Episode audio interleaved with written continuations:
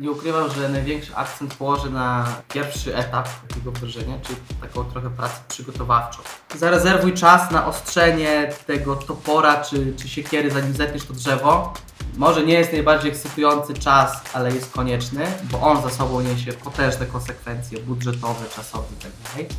Ty musisz mieć totalny alignment pomiędzy tym, co chcesz zrobić, a tym, kto będzie decydował. No i no, de facto za to płacił, bo y, jeśli masz po drugiej stronie partnera, który jest totalnie świadomy tego, co się wydarzy, to wtedy możesz w ogóle to możesz zaczynać. Marketer technologiczny, on nie ma obowiązku znajomości wszystkich narzędzi, bo to nigdy się nie wydarzy.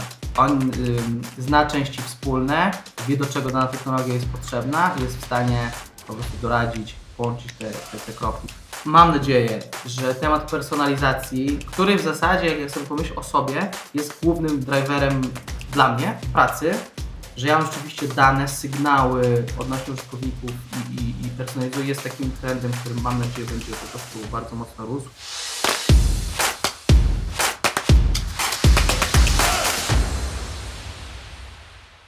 Dzień dobry, witam Was wszystkich serdecznie w kolejnym odcinku audycji Martech Well Done. A dzisiaj moim gościem jest ekspert od Martechu. Wieloletni pracownik agencji i różnego rodzaju dostawców, osoba, która bardzo, bardzo aktywnie działa w obszarze marketingu efektywnościowego oraz od jakiegoś czasu e, układanek marketingowych marketingowo-technologicznych.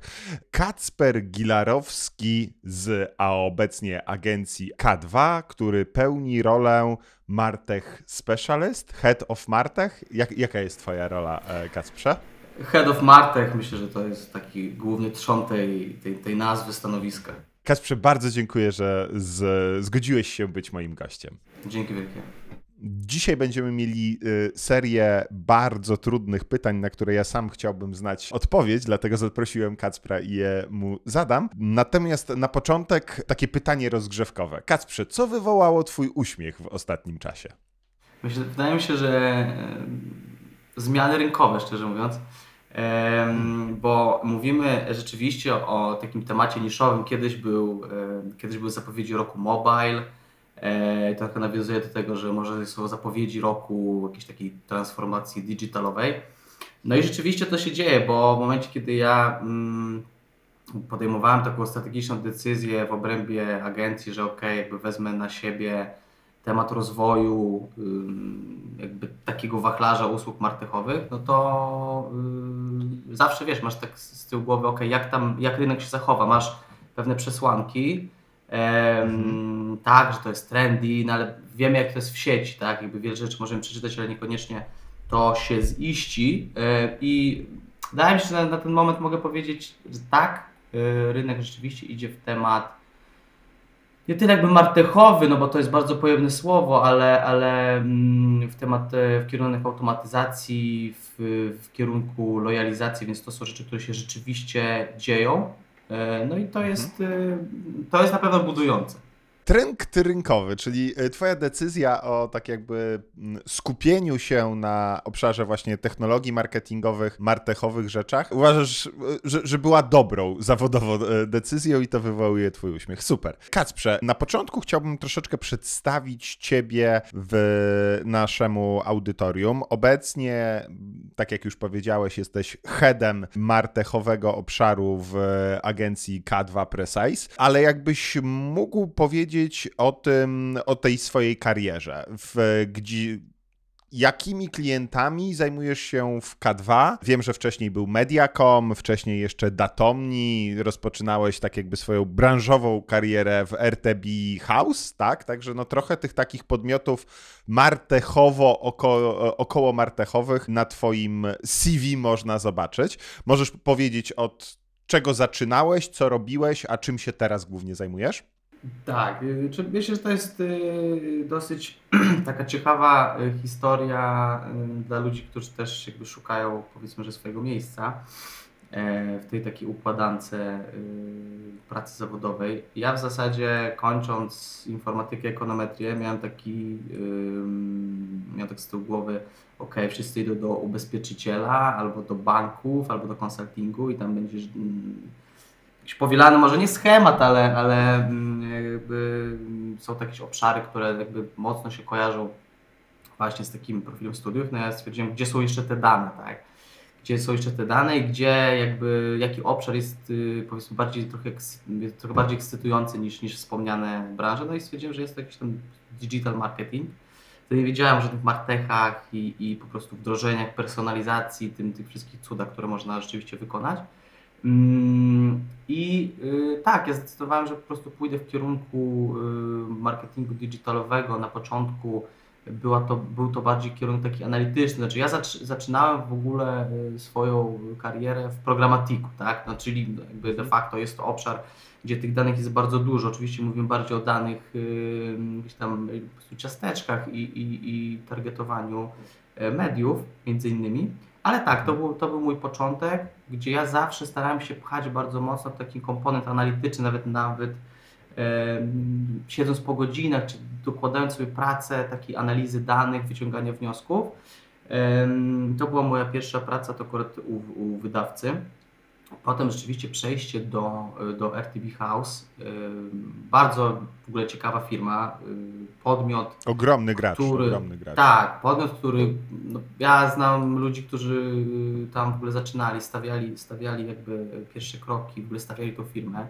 Więc y, no, organizacja, która poprzez oczywiście super technologię, ale to przez model biznesowy, konsekwentnie przez lata rosła, dostarczając no teoretycznie rzecz, która jest znana na rynku, czyli retargeting, kampanie retargetingowe, no ale z mocnymi takimi kolokwialnie mówiąc bebechami technologicznymi, rzeczywiście w jakichś takich AB testach e, e, z innymi dostawcami, to oczywiście e, można, można powiedzieć o Google, no po prostu byli, byli często lepsi.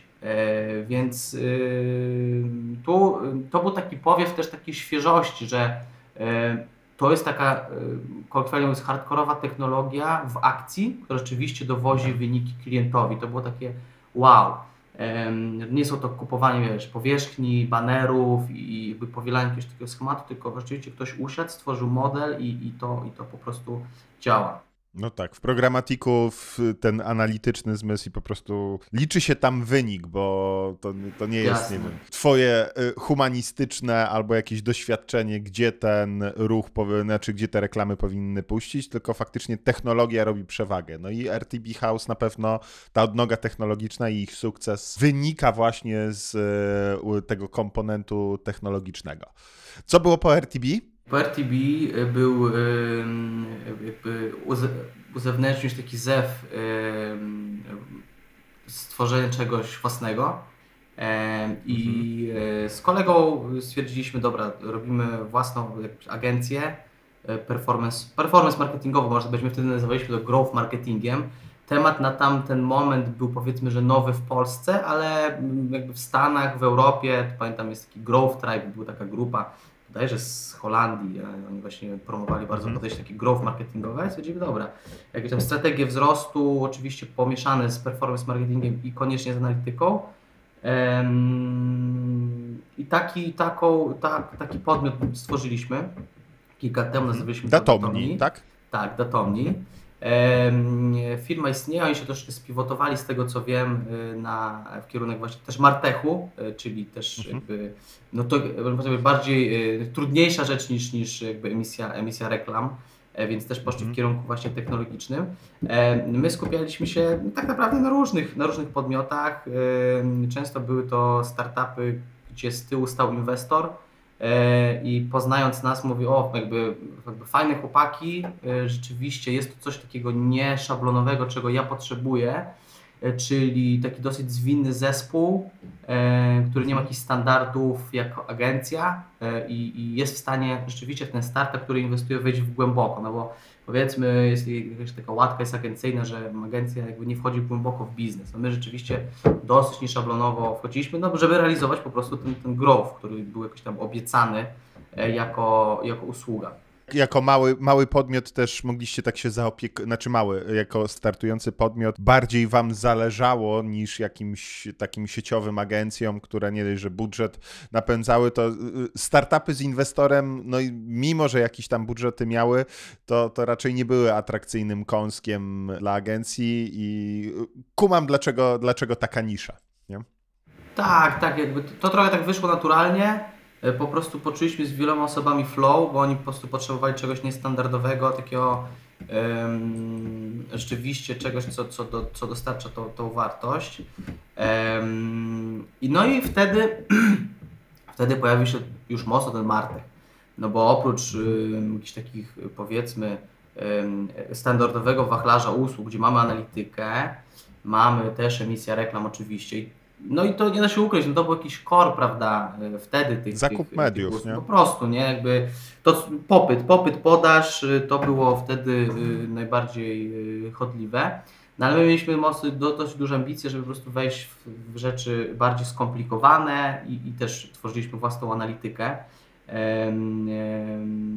Wydaje mi się, że ten temat przez, przez Maćka, którego pozdrawiam, E, foundera e, został właśnie mm, przez lata następne jakby rozbudowany, więc jakaś własna analityka, własne narzędzie analityczne, jakieś tam e, początki. Mam nadzieję, że to się rozwinęło.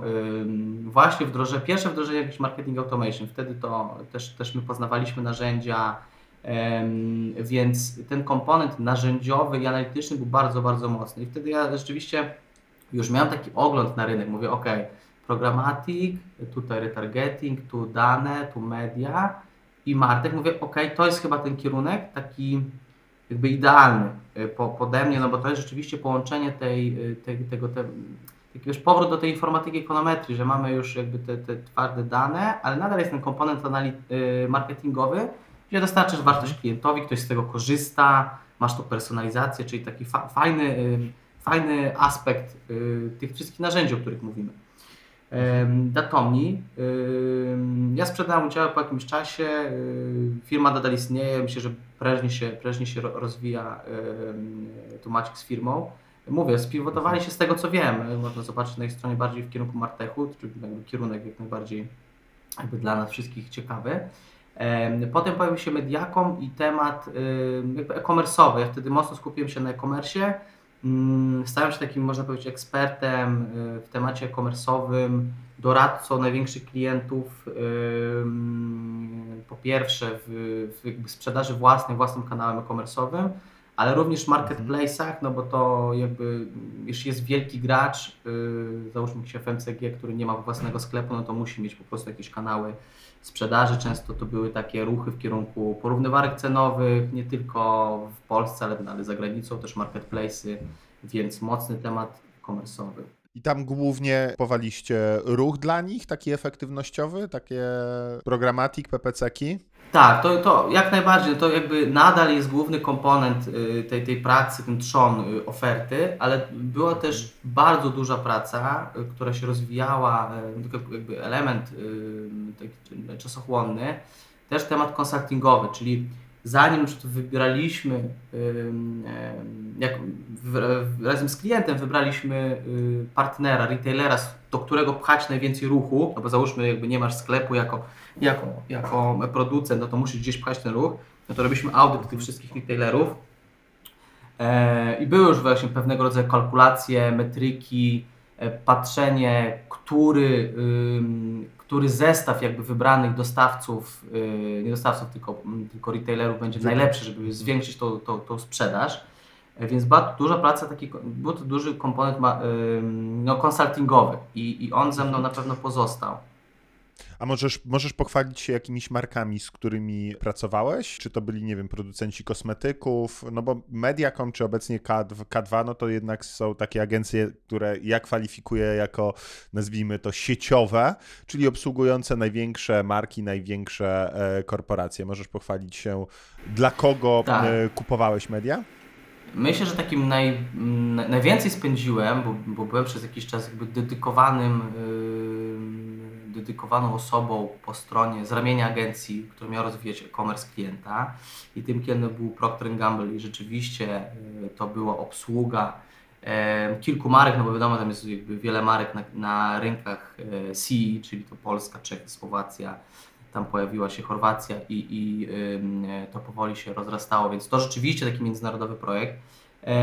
Projekt y, na pewno duży dla Marsa, który też chciał, no, jak, jak dużo marek, no, wchodzić w ten temat e-commerce'owy. Mars i Procter Gamble to faktycznie paleta wszystkich marek, nazwijmy tak. to w supermarkecie. I wykupowaliście dla nich powierzchnię, nie wiem, w jakiejś drogerii Natura, Superfarmie, czy bardziej Allegro, czy, czy, czy Carrefour. Jak, jak to wyglądało? Wiesz co, to jakby zakup mediów taki po, po prostu pod kątem kierowania ruchu, no to, to, to się działo codziennie, tak? Jakby byli wybrani tyleż, ale my bardziej, ja byłem odpowiedzialny trochę też za, za rozwój tego tematu, czyli jak możemy y, dogadać się, można powiedzieć, z y, danym retailerem, żeby w końcu mieć te dane sprzedażowe no, które po prostu często okay. wiesz, nie są dostępne dla tych, dla tych y, producentów, no ani muszą jakieś wnioski wyciągać, więc też wiesz, łączenie tych dwóch stron, czyli miałem stakeholderów po stronie y, klienta, czy tam Proctera, po stronie danego retailera i wiesz, jakby tłumaczenie dlaczego, jakie są benefity w ogóle takiego podejścia, dlaczego powinniście się podzielić oczywiście danymi ze sprzedaży produktów tylko i wyłącznie tej marki. Następnie wiesz, wybieranie y, porówny, porównywarek, no bo rynek CI no to nie jest jakby jedna porównywarka ceny, która jest w Polsce, tylko mhm. jest tam jest, jest, jest, jest Heureka. Trzeba też zobaczyć, jaką ofertę mediową, jakby wewnętrzną mają, mają te, te porównywarki. No i ci retailerzy, mhm. tak, jaką też ofertę mediową tych jakby mediów wewnętrznych mają ci retailerzy, jakie mają możliwości, czy mogą coś targetować, czy to są stałki na stronie głównej.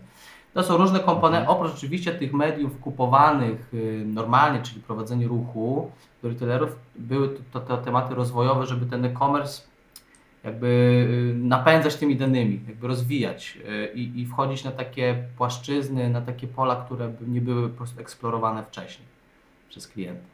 Kumam. Porozmawialiśmy troszeczkę o Twoich kompetencjach mediowo-e-commerce'owych, e, ale e-commerce to już jest bardzo często no, blisko danych własnych, prawda? No bo zakup mediów to raczej te zakup ciasteczek, tak jak powiedziałeś, zakup ruchu, third party data, sposoby targetowania. Natomiast e, obecnie zajmujesz się takimi wdrożeniami już na danych własnych, na danych nazwijmy to CRM-owych, tak? Możesz mi powiedzieć oprócz tego komponentu mediowego, jak wygląda obecnie twoja praca? Jakie są twoje głównie obecnie obowiązki?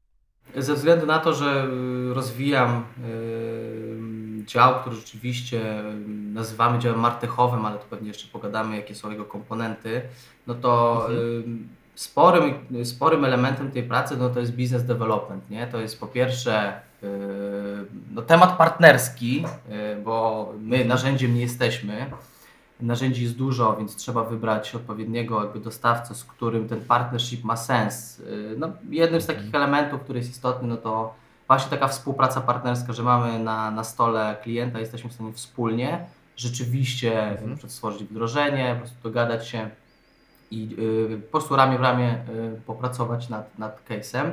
No to, to może skupmy się, skupmy się w takim wypadku na tym, na tym wdrożeniu. To jest oczywiście, tak jak w pracy agencyjnej przy zakupie mediów, deleguje się budżet do agencji i po prostu agencja ma go wydać w najbardziej efektywny sposób, w rozumieniu takim, że ma, nie wiem, e, KPI, czy to przekliki, czy to zakupy, czy to zasięgi, w zależności od briefu, ma wydać jak najbardziej efektywnie i to jest zadanie agencji, jest taki totalny outsource. W momencie wdrożenia technologii marketingowej, czy to jest marketing automation, CRM, CDP, jak, jak zwał, tak zwał, to już nie jest tak łatwo, bo to, tego nie można tak totalnie wydelegować do, do agencji, bo trzeba się troszeczkę bardziej w ten proces zaangażować. I z mojego mm, punktu widzenia, te mm, wdrożenia właśnie technologii marketingowych są takim no,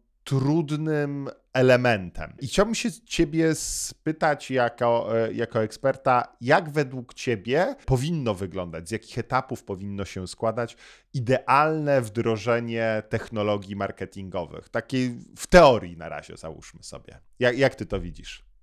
Ja nie ukrywam, że największy akcent położę na y, pierwszy etap y, takiego wdrożenia, czyli taką trochę pracę przygotowawczą.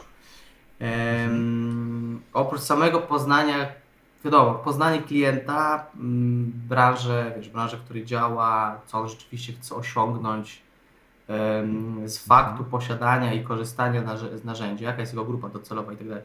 Czyli jakby trochę książkowe y, pola, które trzeba wypełnić, to to jest jakby jedno i to jest ta praca, która jest obligatoryjna. Ale sam fakt poznania osób decyzyjnych, mhm. trochę ich motywacji i ich poziomu y, zaawansowania w temacie jest ultra istotny. To znaczy, ty musisz mieć totalny alignment pomiędzy tym, co chcesz zrobić, a tym, kto będzie decydował. No i no de facto za to płacił, bo y, jeśli masz po drugiej stronie partnera, który jest totalnie świadomy tego, co się wydarzy, ile to będzie kosztować, jakie są różne corner case'y, sytuacje, które mogą się jakby nie powie, które mogą być problematyczne, co on dokładnie z tego będzie miał, to wtedy możesz w ogóle, to możesz zaczynać. Jeśli nie ma takiego, okay. takiej, takiej jasności, to mogą być takie nieprzyjemne sytuacje, które trochę wybijają z rytmu, że y, wiesz, y, taki, taki stakeholder budzi się pewnego dnia i mówi, no jaki jest, jaki jest etap, ja nie widzę wartości, jednak to narzędzie jest dla nas za duże, za małe, nie spełnia potrzeb. Więc ja wolę mhm.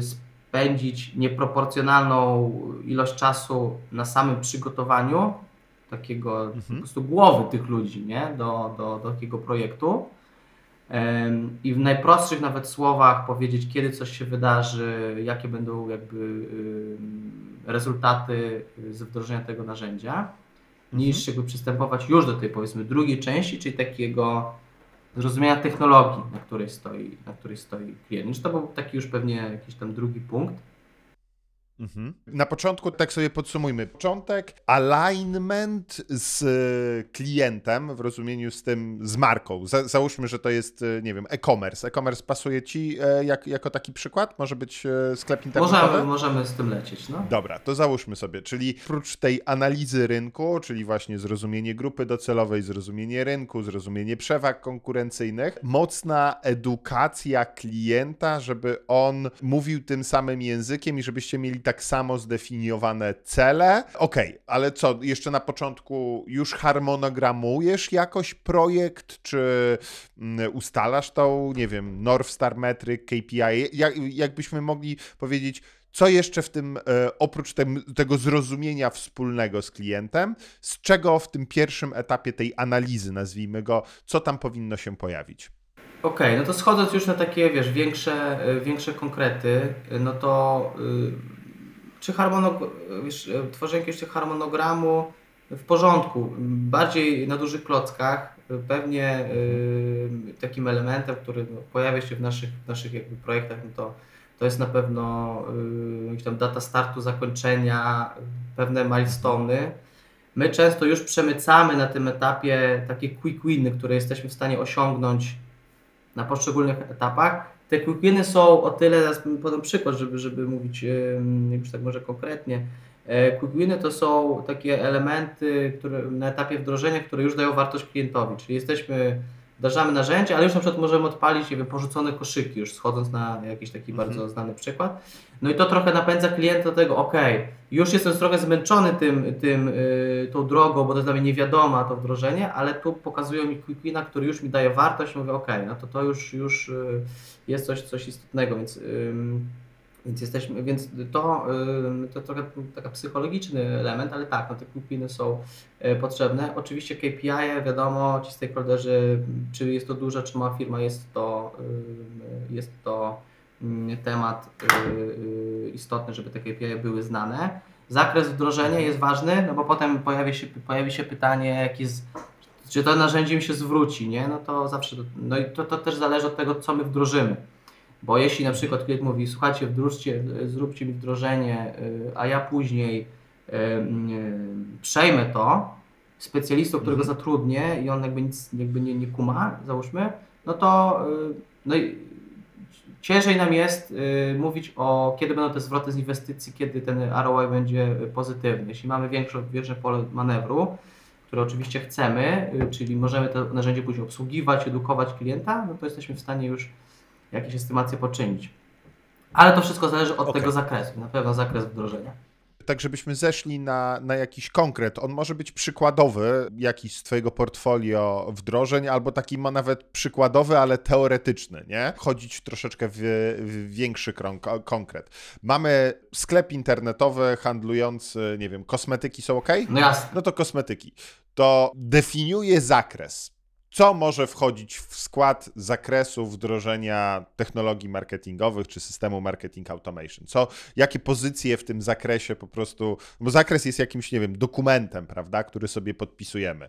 Yy, nagrywamy to w grudniu 2022. Zróbmy ten projekt na 2023. Co może wejść w zakres wdrożenia takiego sklepu internetowego? Nawet liczby wrzućmy już, nie? 100 tysięcy maili, baza newsletterowa, nie wiem, 30 tysięcy zamówień miesięcznie, no to już tak całkiem, może 130 tysięcy zamówień miesięcznie. Nie mają na razie systemu marketing e, automation.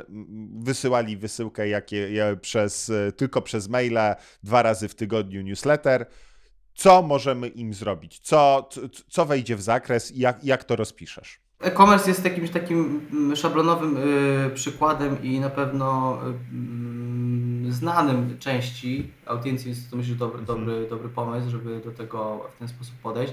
No myślę, ja od razu skręcam w takim kierunek analitycznym, bo to jest jakby otagowanie strony Yy, czy narzędzi, czy aplikacji, zależy co ma klient. No załóżmy ma po prostu swoją stronę internetową i to jest jego tam główny kanał. Stronę internetową i aplikację mobilną. To, to, to, to. I powiedzmy, wejdźmy w no, w drogerię, nie? Mamy stronę internetową, aplikację mobilną i e, fizyczne drogerie w największych centrach handlowych. To pewnie te 100 tysięcy ma, nie, nie, są dobrą tak.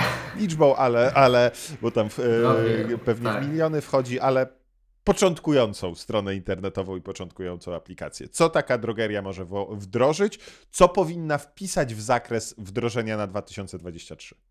Jeśli dane są królem, yy, czy jak to tam się spolszcza często, to... Data is king. No. Data is king. No to myślę, że, że tematem numer jeden to jest jakby, jakby otagowanie tych wszystkich asetów, czyli tu mówimy o tych digitalowych, czyli strona internetowa, aplikacja, kodami narzędzia, które będziemy wdrażać, po to, żeby, żeby sygnały, dane odnośnie tego, co rzeczywiście użytkownicy robią w tych środowiskach, strona internetowa, aplikacja, zbierały się do e, narzędzia, czyli budujemy taką bazę, możemy nawet e, powiedzieć, że to jest taki Customer Data Platform po to, żeby móc później z tych danych korzystać i tą automatyzację tworzyć, czyli po pierwsze okodowanie strony aplikacji naszymi kodami. No i tutaj trzeba będzie oczywiście zejść podczas takich ustaleń na szczegóły, no bo możemy to zrobić e, powiedzmy na największych klockach e, jakby frontendowo, czyli możemy po prostu wpiąć kody na stronę, no ale część procesów część procesów się e, dzieje nie na, nie na jakby na, na, na frontendzie, czyli często jest to taka integracja mhm. przez API na backendzie. Może Drogeria nie jest najlepszym przykładem, ale case by case coraz jest więcej przykładów u mnie, że no jednak ta integracja po API jest wymagana. Mm -hmm, no dobra, Mam, mamy kwestię tak, otagowanie strony, e, in, e, niezbędne integracje API, aby mieć informacje o wszystkich transakcjach, o, o zachowaniu użytkowników na stronie. Nie? No jest ten etap, e, co jeszcze, to jest taki etap integracji technicznej, co jeszcze w tym etapie powinno się znaleźć? Decydujemy, czy dołączamy do tej, do, mm, czy, czy zasilamy tą bazę, którą już stworzyliśmy z jakby danych, z aplikacji ze strony, zewnętrznymi narzędziami, które już są używane przez firmy. Abstrakcyjny przykład, jakiś tam system fakturowy, zewnętrzny system fakturowy w tej drogerii.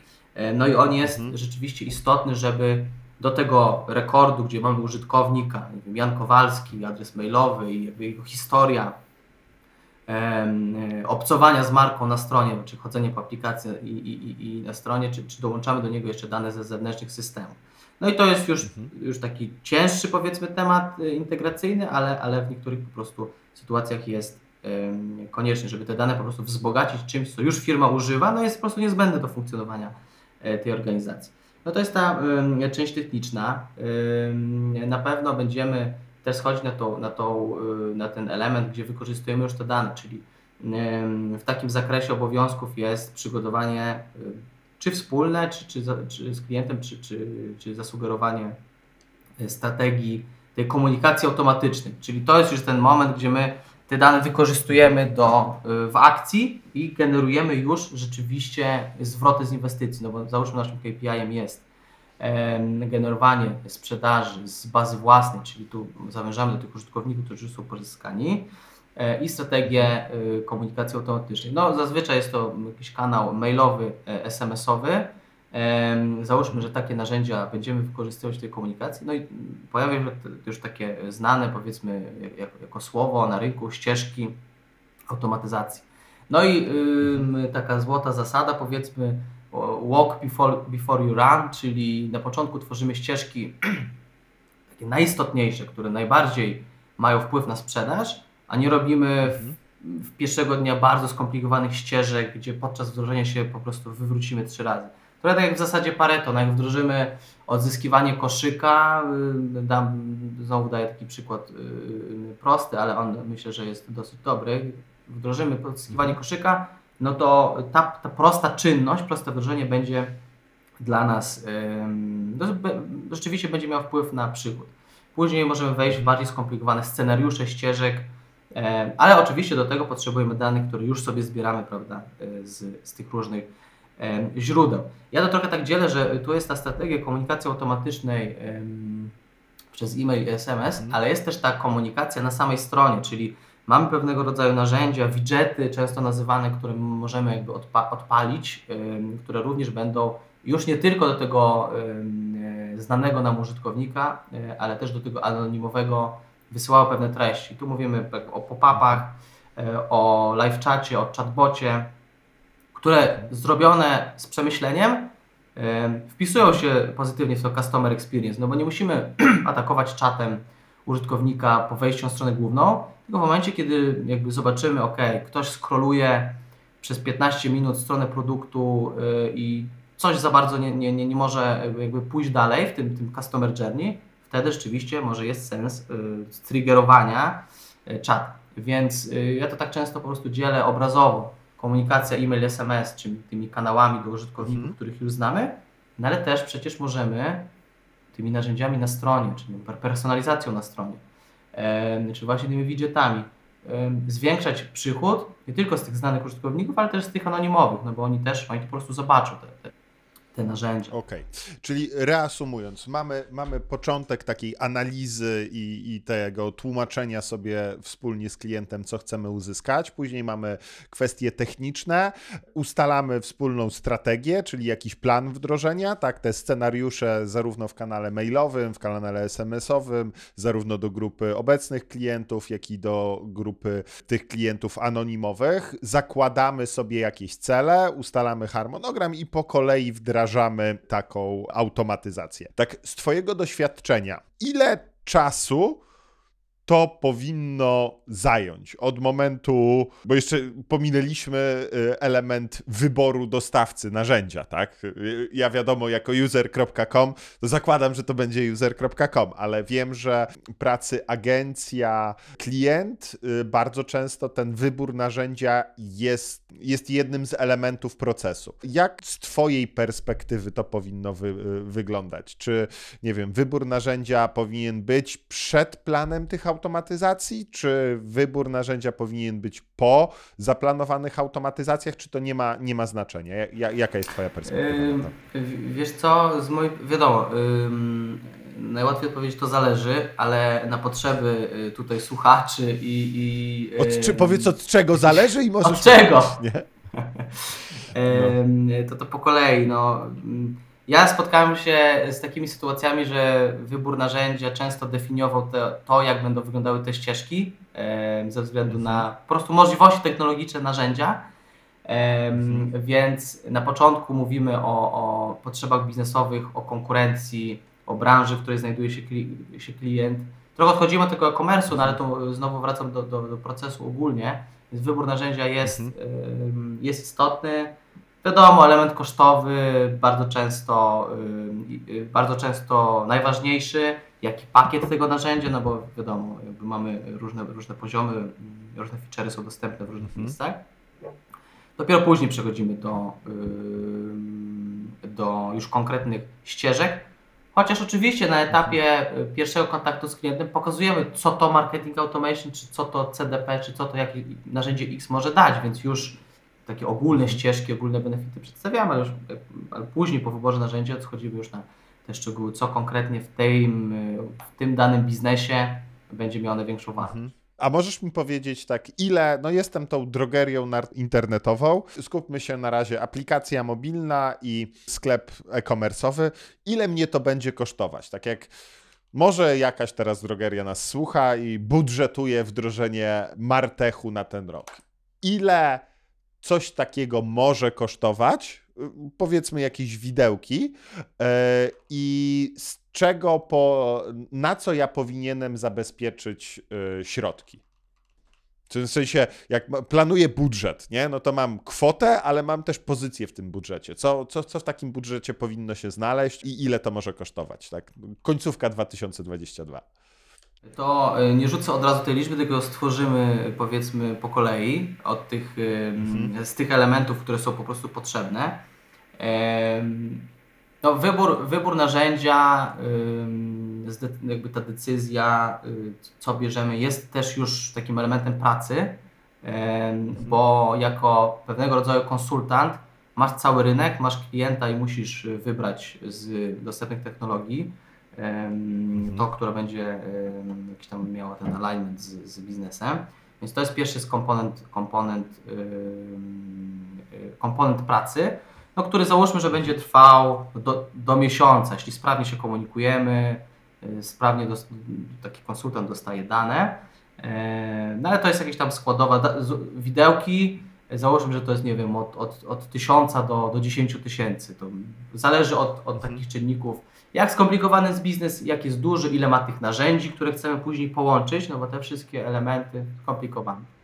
Okej, okay, czyli po prostu analiza, za samą analizę i konsulting powinniśmy sobie ten dobór narzędzia wybrać, zabezpieczyć na, ten, na to budżet, tak? Z, z perspektywy agencji jak najbardziej, no to jest, y, bo to jest duża część pracy, tak jak mówię, ja tak jak akcentowałem wcześniej, to jest ważny element i on też wymaga kontaktu z klientem. To nie jest tak, że my sobie wybierzemy i wyślemy gotową listę. Oczywiście może tak być, no ale jednak spotkanie z klientem i, i ten alignment, żeby wszyscy byli rzeczywiście na tej jednej stronie, znowu spolszczając, jest istotny. Później przechodzimy do tematu narzędziowego. No i to, jak wiesz, to jest różnie. Można odezwać się bezpośrednio jako klient, można przez, przez partnera, to wchodzi jakiś temat zniżek, ale to nie ma, y, prawda, jakimś, jakiś, y, nie jest to jakiś istotny element. No zazwyczaj, tak jak pricingi są budowane narzędzi do automatyzacji, skupiając się do narzędzi do automatyzacji, no to ta wielkość bazy jest tą, jest tą składową, tak? Czyli mhm. określamy jaka jest, jakaś jest, jaka jest wielkość tej bazy. No i tu, i tu znowu zależy, tak? możemy na, dać narzędzie, możemy wybrać narzędzie mniej zaawansowane, bardziej zaawansowane, więc przy takiej bazie, mm, nie wiem, tej, tej drogerii, o której o której rozmawiamy, to myślę, że to jest od jakichś tam dwóch, trzech tysięcy do, do nawet 14 tysięcy.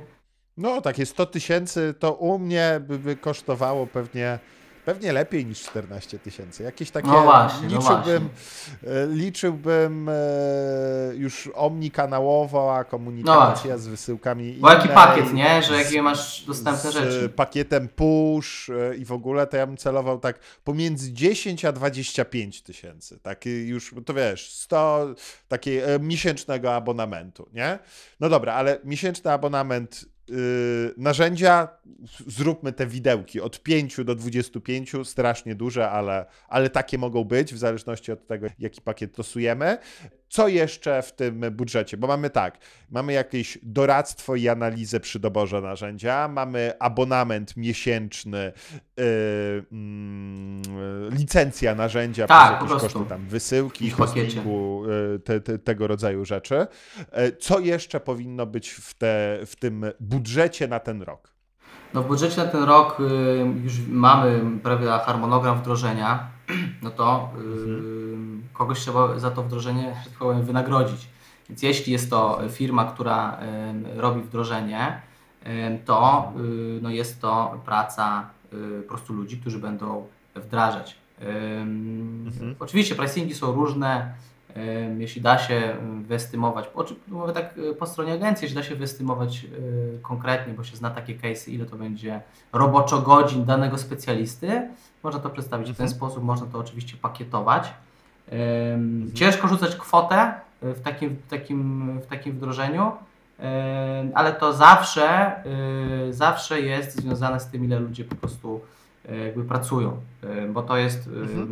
no takie, to, to jest tak ten, ten bezpieczny model times and materials, nie? Czyli mówimy o, zakładamy, że będzie to, nie wiem, 120 godzin albo na 3 miesiące, albo nie wiem, 5 mendei dziennie. Właśnie jak, jak ty uważasz, czy, czy, czy to się powinno rozliczać w godzinach, czy w mendejach? Yy, te, bo w IT prawda? W takich pracach programistycznych już standardowym e, takim założeniem są mendeje, czyli po prostu osoba wydelegowana na dzień.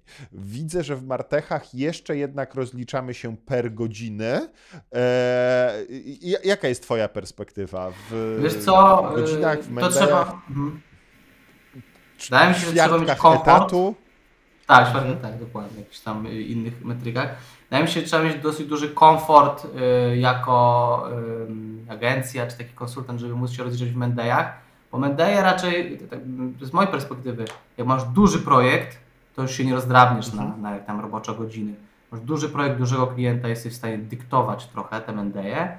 No w, takiej, w takim temacie niszowym, jeszcze nie do końca znanym, schodzimy na, na robocze godziny, staramy się to estymować, wiesz, z perspektywy agencji to jest też poli, y, policzalny model, no bo wtedy patrzysz, ok, Jan Kowalski, który pracuje mnie w agencji, ma na tych klientów razem dziennie ileś godzin, no jesteś w stanie też liczyć mhm. jakby twoje, twoje, twoje prawda, koszty, kogo już bardzo, bardzo, bardzo skrupulatnie. I to, jakie przychody generuje poszczególna osoba, więc dla agencji jest to dobry model, oczywiście wymaga pewnej gimnastyki, no bo trzeba mieć to policzone, no ale jest to jednak wdzięczny, też wdzięczny model, transparentny dla klienta, no pokazujemy, ok, no to jest, to jest ta okay. realna praca, która będzie wykonana. Ja na przykład jestem teraz zwolennikiem takiego e, rozliczania jednak w mendejach, nie w godzinach i też e, pracy specjalistów e, w połówkach mendei, czyli po prostu, żeby jeden specjalista miał dziennie, prawda, mógł się zająć wdrożeniem maks dwóch klientów, wtedy wydaje mi się, że to skupienie jest największe. Jak masz, nie wiem, po tematach, jednego dnia siąść do 8 czy 10 projektów, to po prostu samo przełączanie przełamanie się z projektu na projekt za długo trwa. Także my na przykład w swoim zespole wdrożeniowym powoli staramy się przeskakiwać na te maks połówki, zwłaszcza na etapie wdrożeń, bo później przy obsłudze i optymalizacji to oczywiście wygląda to troszeczkę inaczej, ale na etapie wdrożeń staramy się wdrożyć w tym momencie taki proces na połówkach Mendei. Liczymy ludzi, liczymy godziny, ile pracy. Jak powinien wyglądać taki zespół wdrożeniowy systemu właśnie CDP czy Marketing Automation w,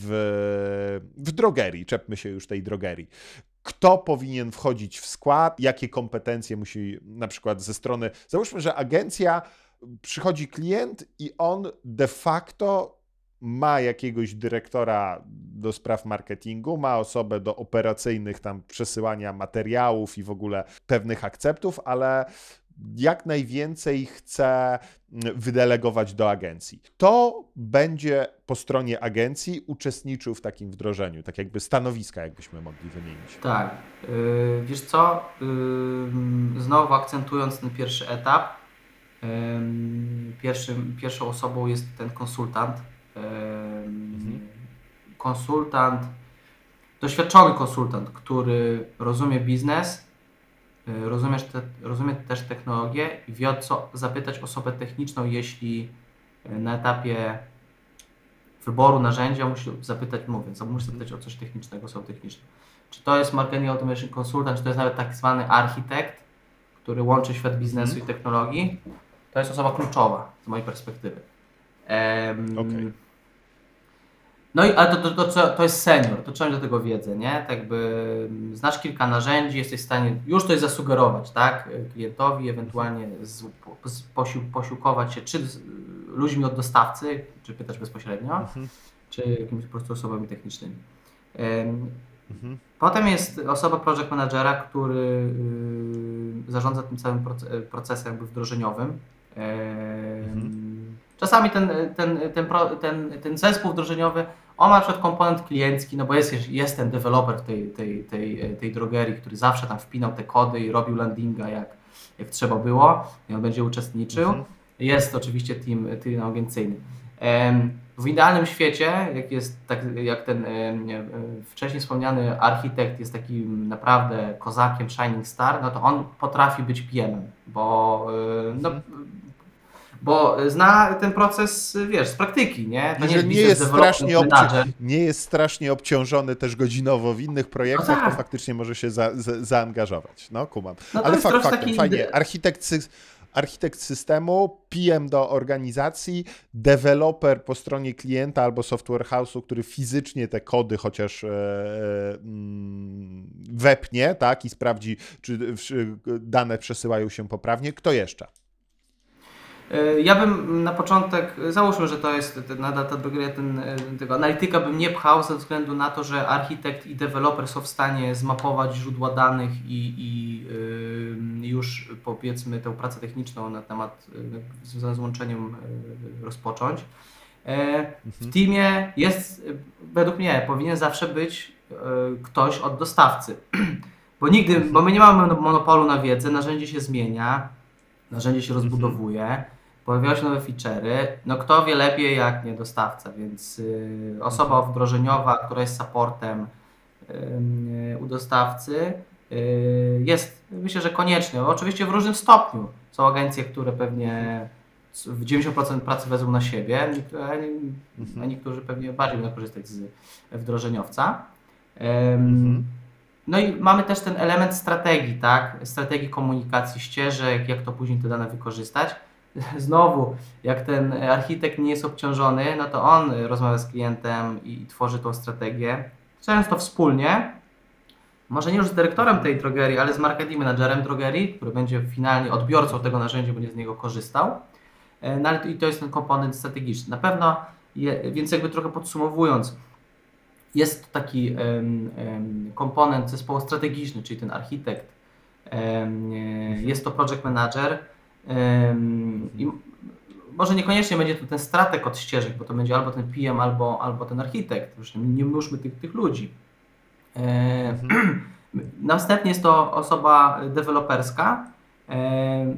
i jeśli ma taki zmysł i umiejętności analityczne, no to on y, będzie w stanie też podczas tej pracy analitycznej uczestniczyć. Jak nie, to będzie, też, będzie to też analityk. Mhm nie potrzeb, na etapie wdrożenia nie są konieczne osoby takie kreatywne od jakichś tam już kopii. To jest już ta praca wykonawcza, y, która, mhm. która będzie już. Znaczy na etapie, etapie technicznym nie, natomiast ja, ja, ja wolę kontentowca, nazwijmy to, już zaangażować od samego początku na, na tym etapie scenariusza, bo etap kontentu, etap pisania, etap tworzenia y, grafik jest y, etapem czasochłonnym i po prostu jak, ma, jak już jest harmonogram pewnego wdrożenia to i są ustalone te scenariusze, to ja, ja uważam, że wtedy powinno się już kontentowców wrzucać, żeby po prostu zlecać im dane, żeby, żeby te e, elementy treści, które, które będą wykorzystane w tej komunikacji po prostu wdrażać. Ten analityk po prostu już po wdrożeniu się pojawia. Jakbyś miał tak oszacować w tej drogerii, tak? Ile powinniśmy zarezerwować czasu na wdrożenie? Wybór narzędzia i jakieś wstępne warsztaty strategiczne ustaliliśmy miesiąc. Kiedy wyślemy pierwsze maile? Jak, jak zaczynamy od 1 stycznia, to kiedy powinniśmy tak nie, że na wariata, ale kiedy powinniśmy spodziewać się tych, jak to ładnie ująłeś, e, low hanging fruit, quick winy. Quick no win, tak, nie? czyli nie? tych pierwszych automaty, automatyzacji. Quick wina wyślemy w trzecim miesiącu, więc okay. to jest taka pewnie jakaś perspektywa jak mówię, wszystko zależy, ale mówię, też trzymając się tego przykładu drogerii, gdzie mam aplikację, stronę i to nam e, wystarczy, kolokwialnie mówiąc, do szczęścia. że te winy jesteśmy w stanie, porzucony koszyk jesteśmy w stanie wysłać do tej bazy, która już się zebrała. E, pierwsze, pierwsze, pierwszy porzucony koszyk, pierwsze wiadomości. Okej, okay, czyli powiedzmy w grudniu wybieramy dostawcę, w styczniu domykamy rzeczy, w pierwszym kwartale już pierwsze automatyzacje e, wysyłamy. Ile to tak godzin kosztowało tego zespołu? Albo Mendei, tak na, jak, jakbym miał szacować, jestem dyrektorem marketingu drogerii, ile godzin powinienem na to zarezerwować? No, myślę, że y, ostatnio pamiętam y, do podobnego case'u y, przygotowywaliśmy taką estymację. No to tam no, wychodziło około 120 godzin. Y, I to była dosyć taka prosta, pro, proste wdrożenie, że rzeczywiście te komponenty to jest strona, aplikacja raczkująca, ale powiedzmy, że strona jest mhm. tam najważniejszym elementem. I to jest taki szablonowy, można powiedzieć, przykład. Na pierwszy ten kwartał, tak? Na, na, na, tak. Pierwszy, pierwszy, e, pierwszy okres. Dobra, wdrożony mam pod kątem technologicznym system, czyli zbieram dane i z weba, i z mobilnej aplikacji, wszystkie dane się odkładają, monitoruję tych użytkowników, zaimportowałem bazę, ustawiłem sobie jakąś domenę, wysyłam rzeczy. Co dalej, tak? Ile godzin, bo licencja jest pewnie stała, ile godzin ja powinienem zarezerwować sobie w budżecie na kwartał drugi, trzeci, czwarty, żeby no, nie na tym quick winie i porzuconym koszyku zatrzymać. No ten kolejny kwartał, który, który przytoczyłeś, no to jest jeszcze ten element, ok, mamy wdrożone, rozwijamy narzędzie, czyli nie, nie stoimy tylko na quick winach, tylko no, tworzymy kolejne automatyzacje, tak naprawdę tworzymy pomysły na kampanię, segmentujemy tą bazę, więc ta praca analityczna jest y, istotna definiujemy segmenty, które mogą być najbardziej takie responsywne powiedzmy na, na, na, na komunikaty. Znowu, y, wracając do tego mojego podziału, że mamy tą y, też pracę na stronie, czyli te, czyli te widgety, personalizację na stronie, to też, to też ten też y, temat rozwojowy. I jeśli rzeczywiście w tym drugim kwartale chcemy z quick winów wejść na taki poziom, że korzystamy z 80-90% narzędzia, które, które, które, które zakupiliśmy, no to y, myślę, że takie 10-15 y, tysięcy y, w godzinach, no to, to, to musielibyśmy sobie jakoś to e, prawda policzyć, ale to jest jakiś taki budżet, który powinniśmy jeszcze sobie Miesięcznie czy, czy, czy, czy, kwartalnie mówisz o taki? Miesięcznie. Jeżeli chcemy, jeżeli chcemy w 3 miesiące wejść już na taki poziom, ok, my chcemy pod koniec drugiego kwartału korzystać z prawie wszystkich dobrodziejstw narzędzia i jakby podpisać się pod tym, to myślę, że to jest jakieś tam 30 tysięcy na, na, po prostu na minimum, no 30 tysięcy na ten kwartał. Mówimy o dużej drogerii. Więc... To nie są duże koszty, to jest, wiesz, to jest tak naprawdę bardzo często nie, nie, niepełny etat specjalisty po swojej stronie, także to jak najbardziej okej, okay, czyli takie wsparcie, nazwijmy to 3 czwarte etatu z punktu widzenia kosztów takiej drogerii, dobrze jest zarezerwować na, na rozwój tego narzędzia. Pewnie podobnie będzie wyglądać to w kolejnych kwartałach. No okej, okay. Wdrażam kolejne scenariusze, wdrażam kolejne rzeczy. Ja bym chciał się odwołać do tego, tej twojej analitycznego elementu. Jak oceniać efektywność wdrożenia w rozumieniu, na jakie KPI, na jakie wskaźniki uważasz, że powinno się szczególnie sprawdzić? No bo jestem tym dyrektorem drogerii, e, zarezerwowałem ten budżet, cel pierwszych wysyłek w pierwszym kwartale się udał, w drugim kwartale uruchomiłem kolejne automatyzacje również do tych z mm, on-site'owych, czyli właśnie do anonimowych użytkowników. Pół roku chcę ocenić, czy to mi się zwraca, czy to mi się nie zwraca. Jak, jak do tego podejść, do tego elementu analitycznego? Mm, no, jeśli mówimy o takim pierwszym etapie y, analitycznym, gdzie liczenie customer lifetime value jeszcze musimy trochę poczekać, żeby, żeby takie rzeczy się bawić, to to oceniamy, myślę, yy, nie chcę powiedzieć łopatologicznie, ale tak zdroworozsądkowo, czyli mamy otagowane nasze źródła yy, i nie mówię tylko o, o kampaniach wychodzący, czy SMS, maile, ale też staramy się tagować te elementy, które są na stronie, czyli mamy pop-upy, mamy, mamy czat, mhm. w jakiś tu już pewnie bardziej oryginalny, pomysłowy sposób. No i patrzymy po prostu, jak to wpływa w jakimś tam terminie na, na przychód. Mhm. Patrzymy, jak zwiększa się wartość koszyka.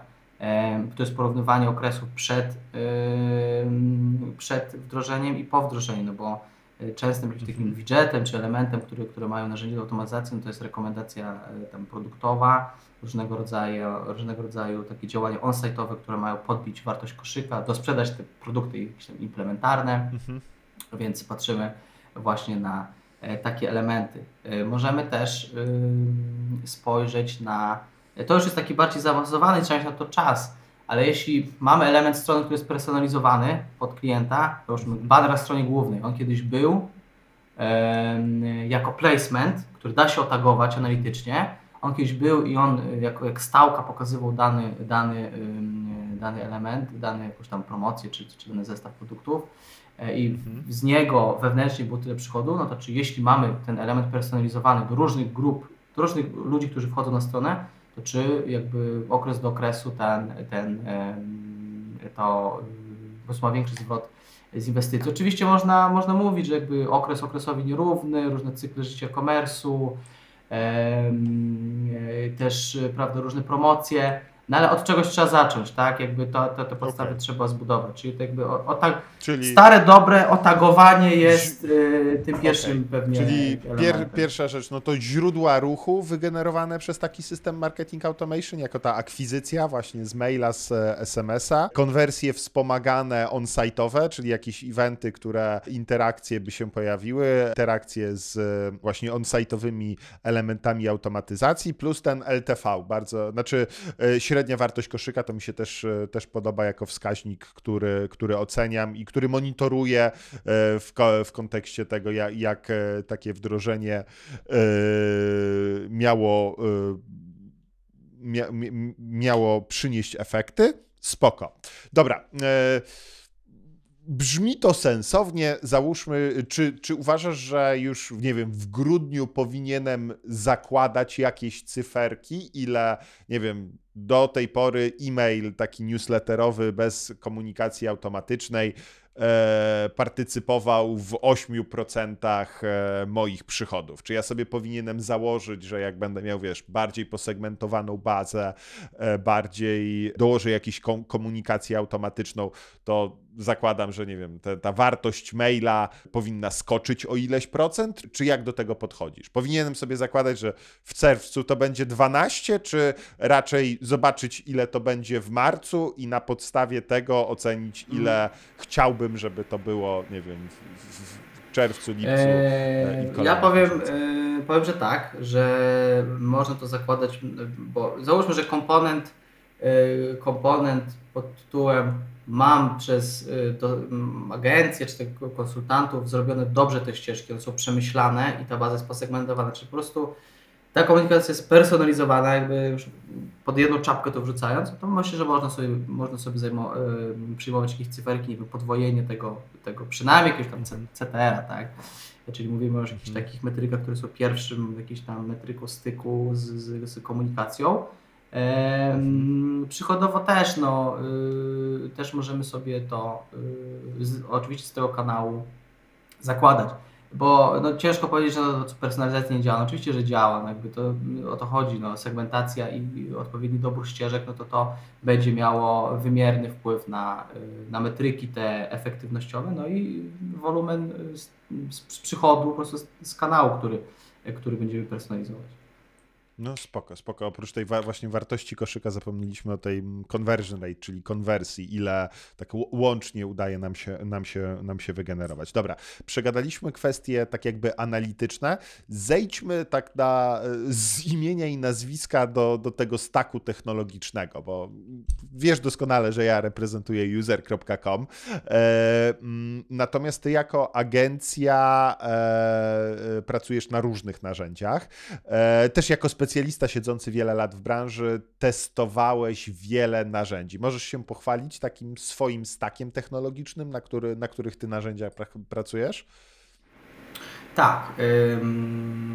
I to, to jest dobór narzędzi do potrzeb, oczywiście. Y, nie jest to mhm. nic odkrywczego, ale do potrzeb klienta, ale tak może z perspektywy um, użytku może analityka, no to oczywiście to jest, to jest GA, to jest, y, to jest Adobe ostatnio y, w, du w dużej mierze, ale to też są właśnie, mm, to jest też analityka taka Customer Journey, czyli HIP Analytics i Mixpanel, czyli to są takie już, y, mówimy mniej o tej kwestii mediowej, ale takiej bardziej o zachowaniu użytkowników na stronie, czyli to, co nas interesuje trochę w Martechu, znaczy z mojej perspektywy, to jest taki najczęściej używany przeze mnie taki stack yy, yy, technologiczny. Yy, mhm. Skręcając troszeczkę w kierunku yy, CDP, to miałem przyjemność korzystania z wielokrotnie zdarzenie segment, gdzie po mhm. prostu wpinasz, wpinasz jakby zunifikowane w dużej mierze kody i tworzysz ten mhm. taki, taki data platform. E, no i to, co pewnie najbardziej interesuje audiencję, no to y, HubSpot mocno wałkowany przez nas. Mhm. Oczywiście ma odpowiednią grupę odbiorców, jeśli chodzi o klientów. User.com pewnie znasz. E, to jest takie tak, narzędzie. Coś, coś, coś słyszałem e, o tym narzędziu. Mocno, mocno też działamy w, w Active Campaignie. To jest taki mhm ja mam nazwę taki, nie wiem, stosunek do jakości, powiedzmy, że, mm, że, że dobry. Um, Salesmanago swojego czasu wcześniej, um, to Get Response, to już, to już o wiele mniej, ale też jakby to był taki, taki element, który, który mhm. mocno mhm. Był to też Edron, bardziej w temacie komersowym, trochę, trochę teraz nie, nie, nie, nie kontynuujemy jakiegoś, jakiegoś korzystania z większych Dobra. narzędzi. No. Mhm. Bo mamy, mamy sporo tych narzędzi, nie? I mm, wróćmy do tego grudnia jeszcze i stoimy przed wyborem narzędzia nie? Jest bardzo często w większych organizacjach. Ta drogeria jest raczej większym e, organizacją. E, mamy proces RFI i RFP, tak? czyli e, proces, gdzie zbieramy informacje z rynku i zbieramy konkretne oferty z rynku. Co w takiej IRFP powinno się mhm. znaleźć? To znaczy, jakie pytania, pytania tak? powinny. Tak. No, dokładnie. Jak, jak żeby osoby, które nas słuchały, tak jakby pomóc im, co oni w tym dokumencie, który wysyłają do kilku dostawców, powinni za, za, zapytać, o co powinni zapytać oraz jakie informacje powinni zawrzeć. No, oczywiście od, od ogółu do szczegółu. Branża, w jakiej się działa. kolejna rzecz yy, bardzo istotna, yy, oczywista również, jakby co my w ogóle chcemy osiągnąć, jaki jest nasz zamysł, yy, co się wydarzy, jak wdrożymy to narzędzie. E, czy mhm. jaka jest, jaka jest grupa docelowa? I tutaj na takie powiedzmy naj, najważniejsze rozdzielenie B2B, B2C. Często mamy, nawet w e-commerce mamy klienta e, końcowego tego B2, B2C, no ale też mamy różnego rodzaju dostawców, hurtowników, to też jest B2B, trochę inna komunikacja, inne zasady. Więc to jest, yy, więc to jest to. Musimy yy, podzielić się E, też e, tym swoim obecnym e, ekosystemem. Tak? Bardziej nie pytanie, ale taka informacja, czy to jest tylko strona, czy to też aplikacja, czy my też mm, historycznie zawsze byliśmy związani z jakimś nie wiem, systemem do, do, znowu do tego fakturowania, tak użyję. Czyli ten taki stack nasz mhm. obecny, technologiczny, cele, wiadomo, temat budżetowy, wielkość bazy i rodzaj tej bazy to nawet to jest bardzo istotne, no bo to bardzo dużo definiuje e, baza B2B, B2C i to, jakie narzędzie e, wybierzemy. Też co nas interesuje, no bo niektóre narzędzia mają w sobie nie wiem, zaawansowanego CMS-a, niektóre się skupiają bardziej na e-mail marketingu, więc mhm. chociaż to bardziej też dostawca i taki konsultant jest w stanie zasugerować, ale jeśli już mamy te potrzeby, no to też tym się mhm. powinniśmy podzielić. Mhm. E, możemy się też dzielić e, w przypadku e-commerce'u e, wartością sprzedaży, średnim koszykiem, bo to też są takie, takie kąski dla niektórych narzędzi, że ok, my mamy jakby narzędzie dedykowane pod zwiększanie lifetime value, czyli mamy bardzo, nie lifetime value, tylko przepraszam, koszyk, mamy bardzo rozwiniętą rekomendację produktową, nie? Więc takie dane selloutowe, jeśli możemy się podzielić nawet na indeksach, no to też będzie istotne dla samego dostawcy.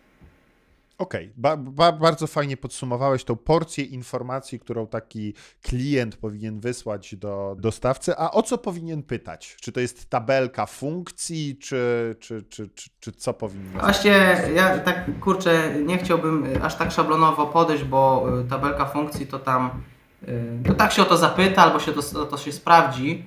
Bardziej mi chodzi o takie rzeczy, które są związane z, związane z trudami pracy, czyli jak wygląda kontakt z supportem, e, jak wygląda ewentualne dokupienie godzin, e, właśnie kogo można dokupić, czy osoby technicznej, jaki jest właśnie taki customer service po stronie e, narzędzia, to jest super moim zdaniem istotne, no bo te pytania będą i tak i tak, te problemy się pojawią. Elastyczność, już wchodząc w jakieś tam tematy techniczne, jakąś tam elastyczność narzędzia, jeśli chodzi o E, integrowanie się z, z czymś nieszablonowym. Czy w ogóle jest otwartość na pisanie integracji, czy wsparcie w pisaniu integracji, bo niektóre firmy są, nie wiem, dłużej mają tak zapisane y, dostawcy, y, ok, to, jest nasze, to są nasze konektory powiedzmy pomiędzy jednym narzędziem a drugim, my w nic więcej nie wchodzimy, już się w to, tak powiem, nie bawimy, a niektórzy są otwarci, mówią, ok, jest budżet, jest to temat, który możemy pociągnąć i to są takie, to są takie niuanse, o które warto by zapytać. I one się, mhm. no jakby to podsumować, e, kręcą się wokół mm, elastyczności tej technologii yy, mhm. marketing automation, całość marketing automation i moim zdaniem kluczowe tego customer serwisu. Jak ten kontakt będzie później wyglądał? Yy, czy support jest doraźny? Czy mamy jakiegoś dedykowanego accounta? Yy, to no i takie, to już taki, oczywiście nie niuans, ale to można sprawdzić.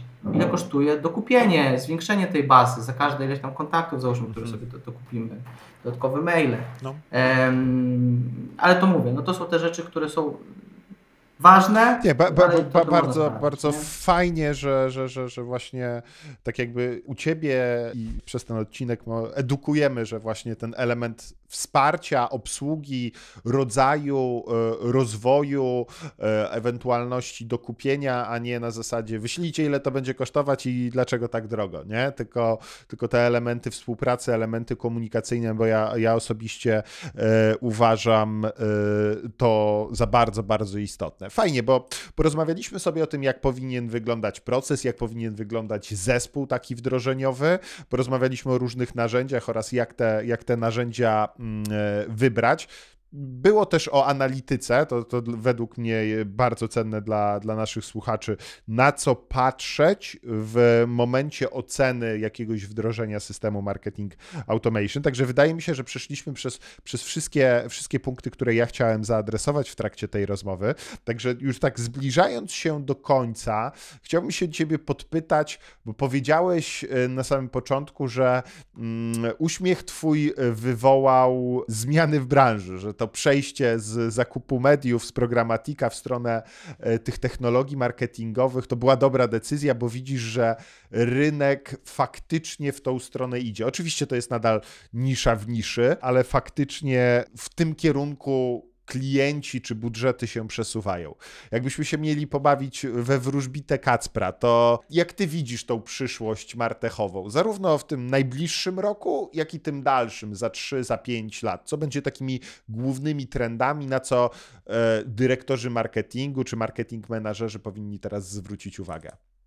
Ja mocno w tym kontekście patrzę na komponent ludzki, to znaczy no nie jest to żadna tajemnica, że systemy reklamowe mocno się automatyzują,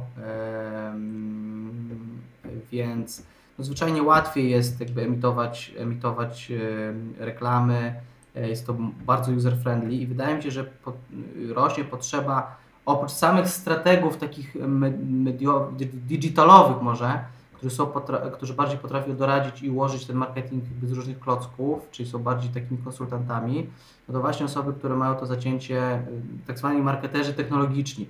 bo tych narzędzi będzie coraz więcej, coraz ciężej będzie się, może nie coraz ciężej, ale no ciężko będzie się z tym, tym, tym połapać. Na wartość, którą daje technologia, no jest jakby coraz większa. E, ostatnio wałkowany przez cały rynek chat e, od OpenAI, który po prostu został rozgrzebany na wszystkie możliwe kierunki. No ale pokazuje to wartość, tak, e, że ta technologia jest istotna. Więc mm, market, marketer technologiczny, który on nie ma obowiązku znajomości wszystkich narzędzi, bo to nigdy się nie wydarzy, ale on, on zna części wspólne, wie do czego dana technologia jest potrzebna jest w stanie po prostu doradzić, połączyć te, te, te kropki. To jest, to jest myślę, że przyszłość pod kątem, pod kątem takich zasobów ludzkich, kompetencji, a pod kątem wiesz, technologicznym i biznesu ja bym chciał, żeby, żeby wszyscy byli data driven i każdy y, skrupulatnie tworzył customer data platform i z tego korzystał, ale wiemy jak to jest, no to, to, to, to różnie y, może, może być. Myślę, że y, to może taką tezę postawię, hipotezę, y, nie, zobaczymy jak to, to się wydarzy. To, czy to jest taki trend jak, y, jak mobile, jak rock mobile? Wydaje mi się, że nie. Mhm bo jakby mobile jest jakby dostępny dla wszystkich. Konsument wymusza na nas adaptację do, do, do, do tej do, do, do wersji, wersji na przykład mobilnej serwisu. No a Martek jest tematem bardziej skomplikowanym. Na pewno będzie rósł, ale czy wiesz, przebije po prostu główne trendy? Myślę, że myślę, że nie. A w ramach samego Martechu ja mam nadzieję, że temat personalizacji, yy, który w zasadzie, jak sobie pomyśl o sobie, jest głównym driverem yy, dla mnie w pracy, że ja mam rzeczywiście dane, sygnały odnośnie użytkowników i, i, i personalizuję, jest takim trendem, który mam nadzieję będzie po prostu bardzo mocno rósł. Personalizacja mhm. layoutów, po prostu stron aplikacji. To się oczywiście dzieje, ale to nadal raczkuje. kurczę, wydaje mi się, że social commerce, takie tematy będą nadal e, w takim trendzie zwyżkowym. Mhm. Byłem może nie, nie sceptyczny, ale, ale chatboty y, tak, ale te już zasilane modelami, które, o których w sumie wspomniałem wcześniej. Mhm. Chatboty no ja nadal. Też Chatboty no. takie o chat GPT to jest, to jest no. coś, co ja czuję, że to będzie e, po prostu zastąpią ludzi w tym obszarze, bo, bo, bo po co płacić e, osobom na, na, na, na, na saporcie, skoro możemy tylko, że to, to, to nie jest takie łatwe, no bo chat GPT, pamiętaj, że to jest model językowy, który po prostu uczy się na bazie danych. Ten model wcale nie tak łatwo jest przerzucić na inne zestawy danych. Yy, to jest model probabilistyczny, czyli chat GPT zwraca ci prawdopodobne zdanie, które może rozwiązać pewne zadanie, ale jeżeli natrafi na E, będzie uczony na danych, prawda, gdzie 2 plus 2 będzie się równać 5, 2 plus 2 będzie się równać 5 i na takich danych się nauczy, to jak się go spytasz, ile to się równa 2 plus 2, to powie najprawdopodobniej 2 plus 2 tak. równa się 4,5, no bo ma e, źródła danych o, o, o tym, że to się równa 4 i to o tym, się, że się równa 5, także to, to nie podaje poprawnej, yy, yy, poprawnych danych, tylko na bazie, na którym był wyuczony, probabilistycznie najprawdopodobniej naj, bliżej prawdy odpowiedź, nie? Dobra, ostatnie pytanie. Jakbyś miał w kilku zdaniach e, podsumować albo taką sprzedać swoją złotą radę e, w kontekście wdrażania technologii marketingowych. Słuchają nas przedstawiciele e, klientów, nie? To, to o czym muszą pamiętać? Jaka jest twoja złota rada? myślę, że dwa elementy. Pierwsza, wałkowana przeze mnie już kilka razy tutaj, ten element przygotowawczy, jakby mhm. zarezerwuj czas na ostrzenie tego topora czy, czy siekiery, zanim zetniesz to drzewo. czyli może nie jest najbardziej ekscytujący czas, ale jest konieczny, bo on za sobą niesie potężne konsekwencje budżetowe, czasowe itd.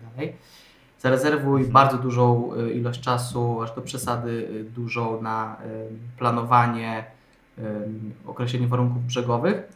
I w momencie wdrożenia znowu jakieś kolejne, kolejne porównanie, czy, czy jakieś takie zobrazowanie, znowu walk until run, czyli zajmij się najważniejszymi, tu głównie w temacie ścieżek, najważniejszymi ścieżkami, które, które no po prostu z zasady Pareto y, będą miały y, kilka najważniejszych ścieżek, kilka najważniejszych zabiegów, automatyzacji, będą miały największy wpływ, najbardziej będą tłumaczyły przychód, lidy. Myślę, że to są takie dwie zasady. W gąszczu oczywiście wielu zasad. To ważny jest fokus, ważne jest e, to, żeby się skupić na. Nie da się skupić na wszystkim, a skupienie się na tym etapie początkowym i przy tym zastanowieniu, planowaniu, przygotowaniu e, oraz rozpoczęciu pracy od nie najbardziej skomplikowanych rzeczy, ale tych rzeczy, które wiemy, że będą działać, to wydaje mi się jako, jako, jako super puenta. Kacprze, bardzo dziękuję Ci za, za bycie moim gościem. Powiedz, gdzie Cię najła, najlepiej złapać, gdybyśmy, e, gdybyś ktoś chciał chciał e, się Ciebie jeszcze coś dopytać. Ja zapraszam na LinkedIna. Zapraszam na LinkedIna, zapraszam na e, też na moją stronę kagilarowski.com, e, pierwsze litery nazwisko.com, ale LinkedIn myślę, że najbardziej naturalne miejsce, miejsce, gdzie też. Super. Dzięki wielkie i pozdrawiamy. Hej, hej. Dzięki wielkie, trzymaj się, trzymaj się.